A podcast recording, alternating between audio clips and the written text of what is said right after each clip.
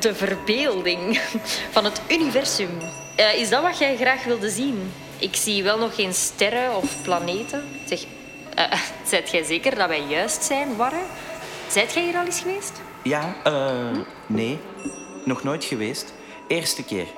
Welkom terug, Eh, hoi. Eh, die kent uw naam? Ja, Oh, Warre, Warre, kijk, dat is de mummie. Luna, niet lopen. En ook nergens Oh my aankomen. god, maar Warre, kijk, kijk, kijk, kijk. Oh, waar zou die mummie zijn? Zou die hier rondlopen in het museum? Oh, kom, we moeten die gaan zoeken. Rustig, Luna. Het is enkel de sarcofaag. Allee, Hè? eh, zelfs enkel het deksel van de sarcofaag. Daar gaat het over. Ah. Maar er heeft wel een mummie ingezeten, hoor. Zo'n 2800 jaar geleden werd de kist speciaal gemaakt voor Peftjouwenheid. Wie? Peftjouwenheid? Kun je dat tien keer na elkaar zeggen? Peftjouwenheid, Peftjouwenheid, Peftjouwenheid, Peftjouwenheid. Peftjouwenheid, Peftjouwenheid, Peftjouwenheid, Peftjouwenheid, Peftjouwenheid, Peftjouwenheid. Oké, en nu achterstevoren? Het tien jaar jift Feb. Wow! Ik wist dat je dat zou vragen. Eh, oh, ik kan dat misschien boeren. Wacht, Maar, wacht, maar dus, Peftjouwenheid moet heel rijk geweest zijn, want zo'n kist was mega duur. Je kan hem ook zien. Op de voorkant van het deksel, kijk. Amai, die heeft kei grote oren en een gekke baard. Hé, die is kei groen, warre. Die is zeker gestorven aan voedselvergiftiging. Zo. Nee, nee, het groen op zijn gezicht wil zeggen dat hij de dood heeft overwonnen en dat hij begonnen is met een nieuw leven. Maar ik wil u eigenlijk de binnenkant van het deksel tonen. Kijk, wat zie je?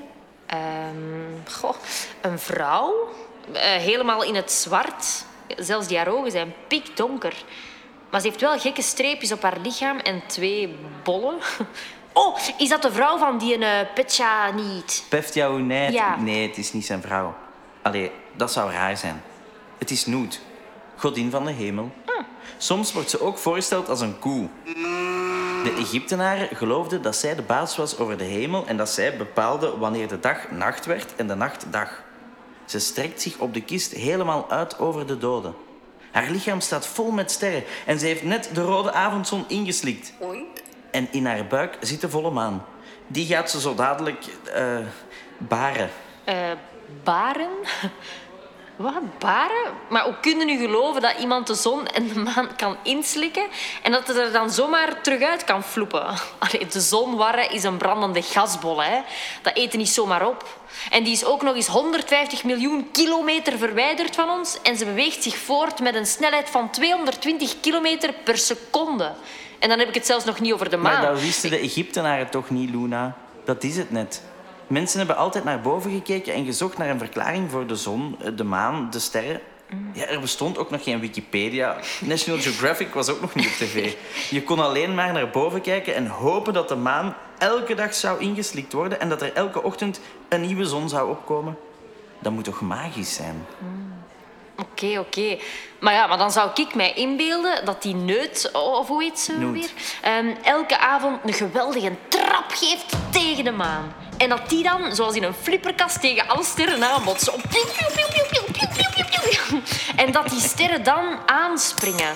Al die sterren botsen dan tegen elkaar en vormen één hmm. grote zon. En tegen de tijd dat die uitdooft, ja, is de maan terug op zijn plek.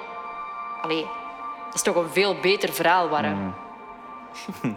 Ja hoor, Luna.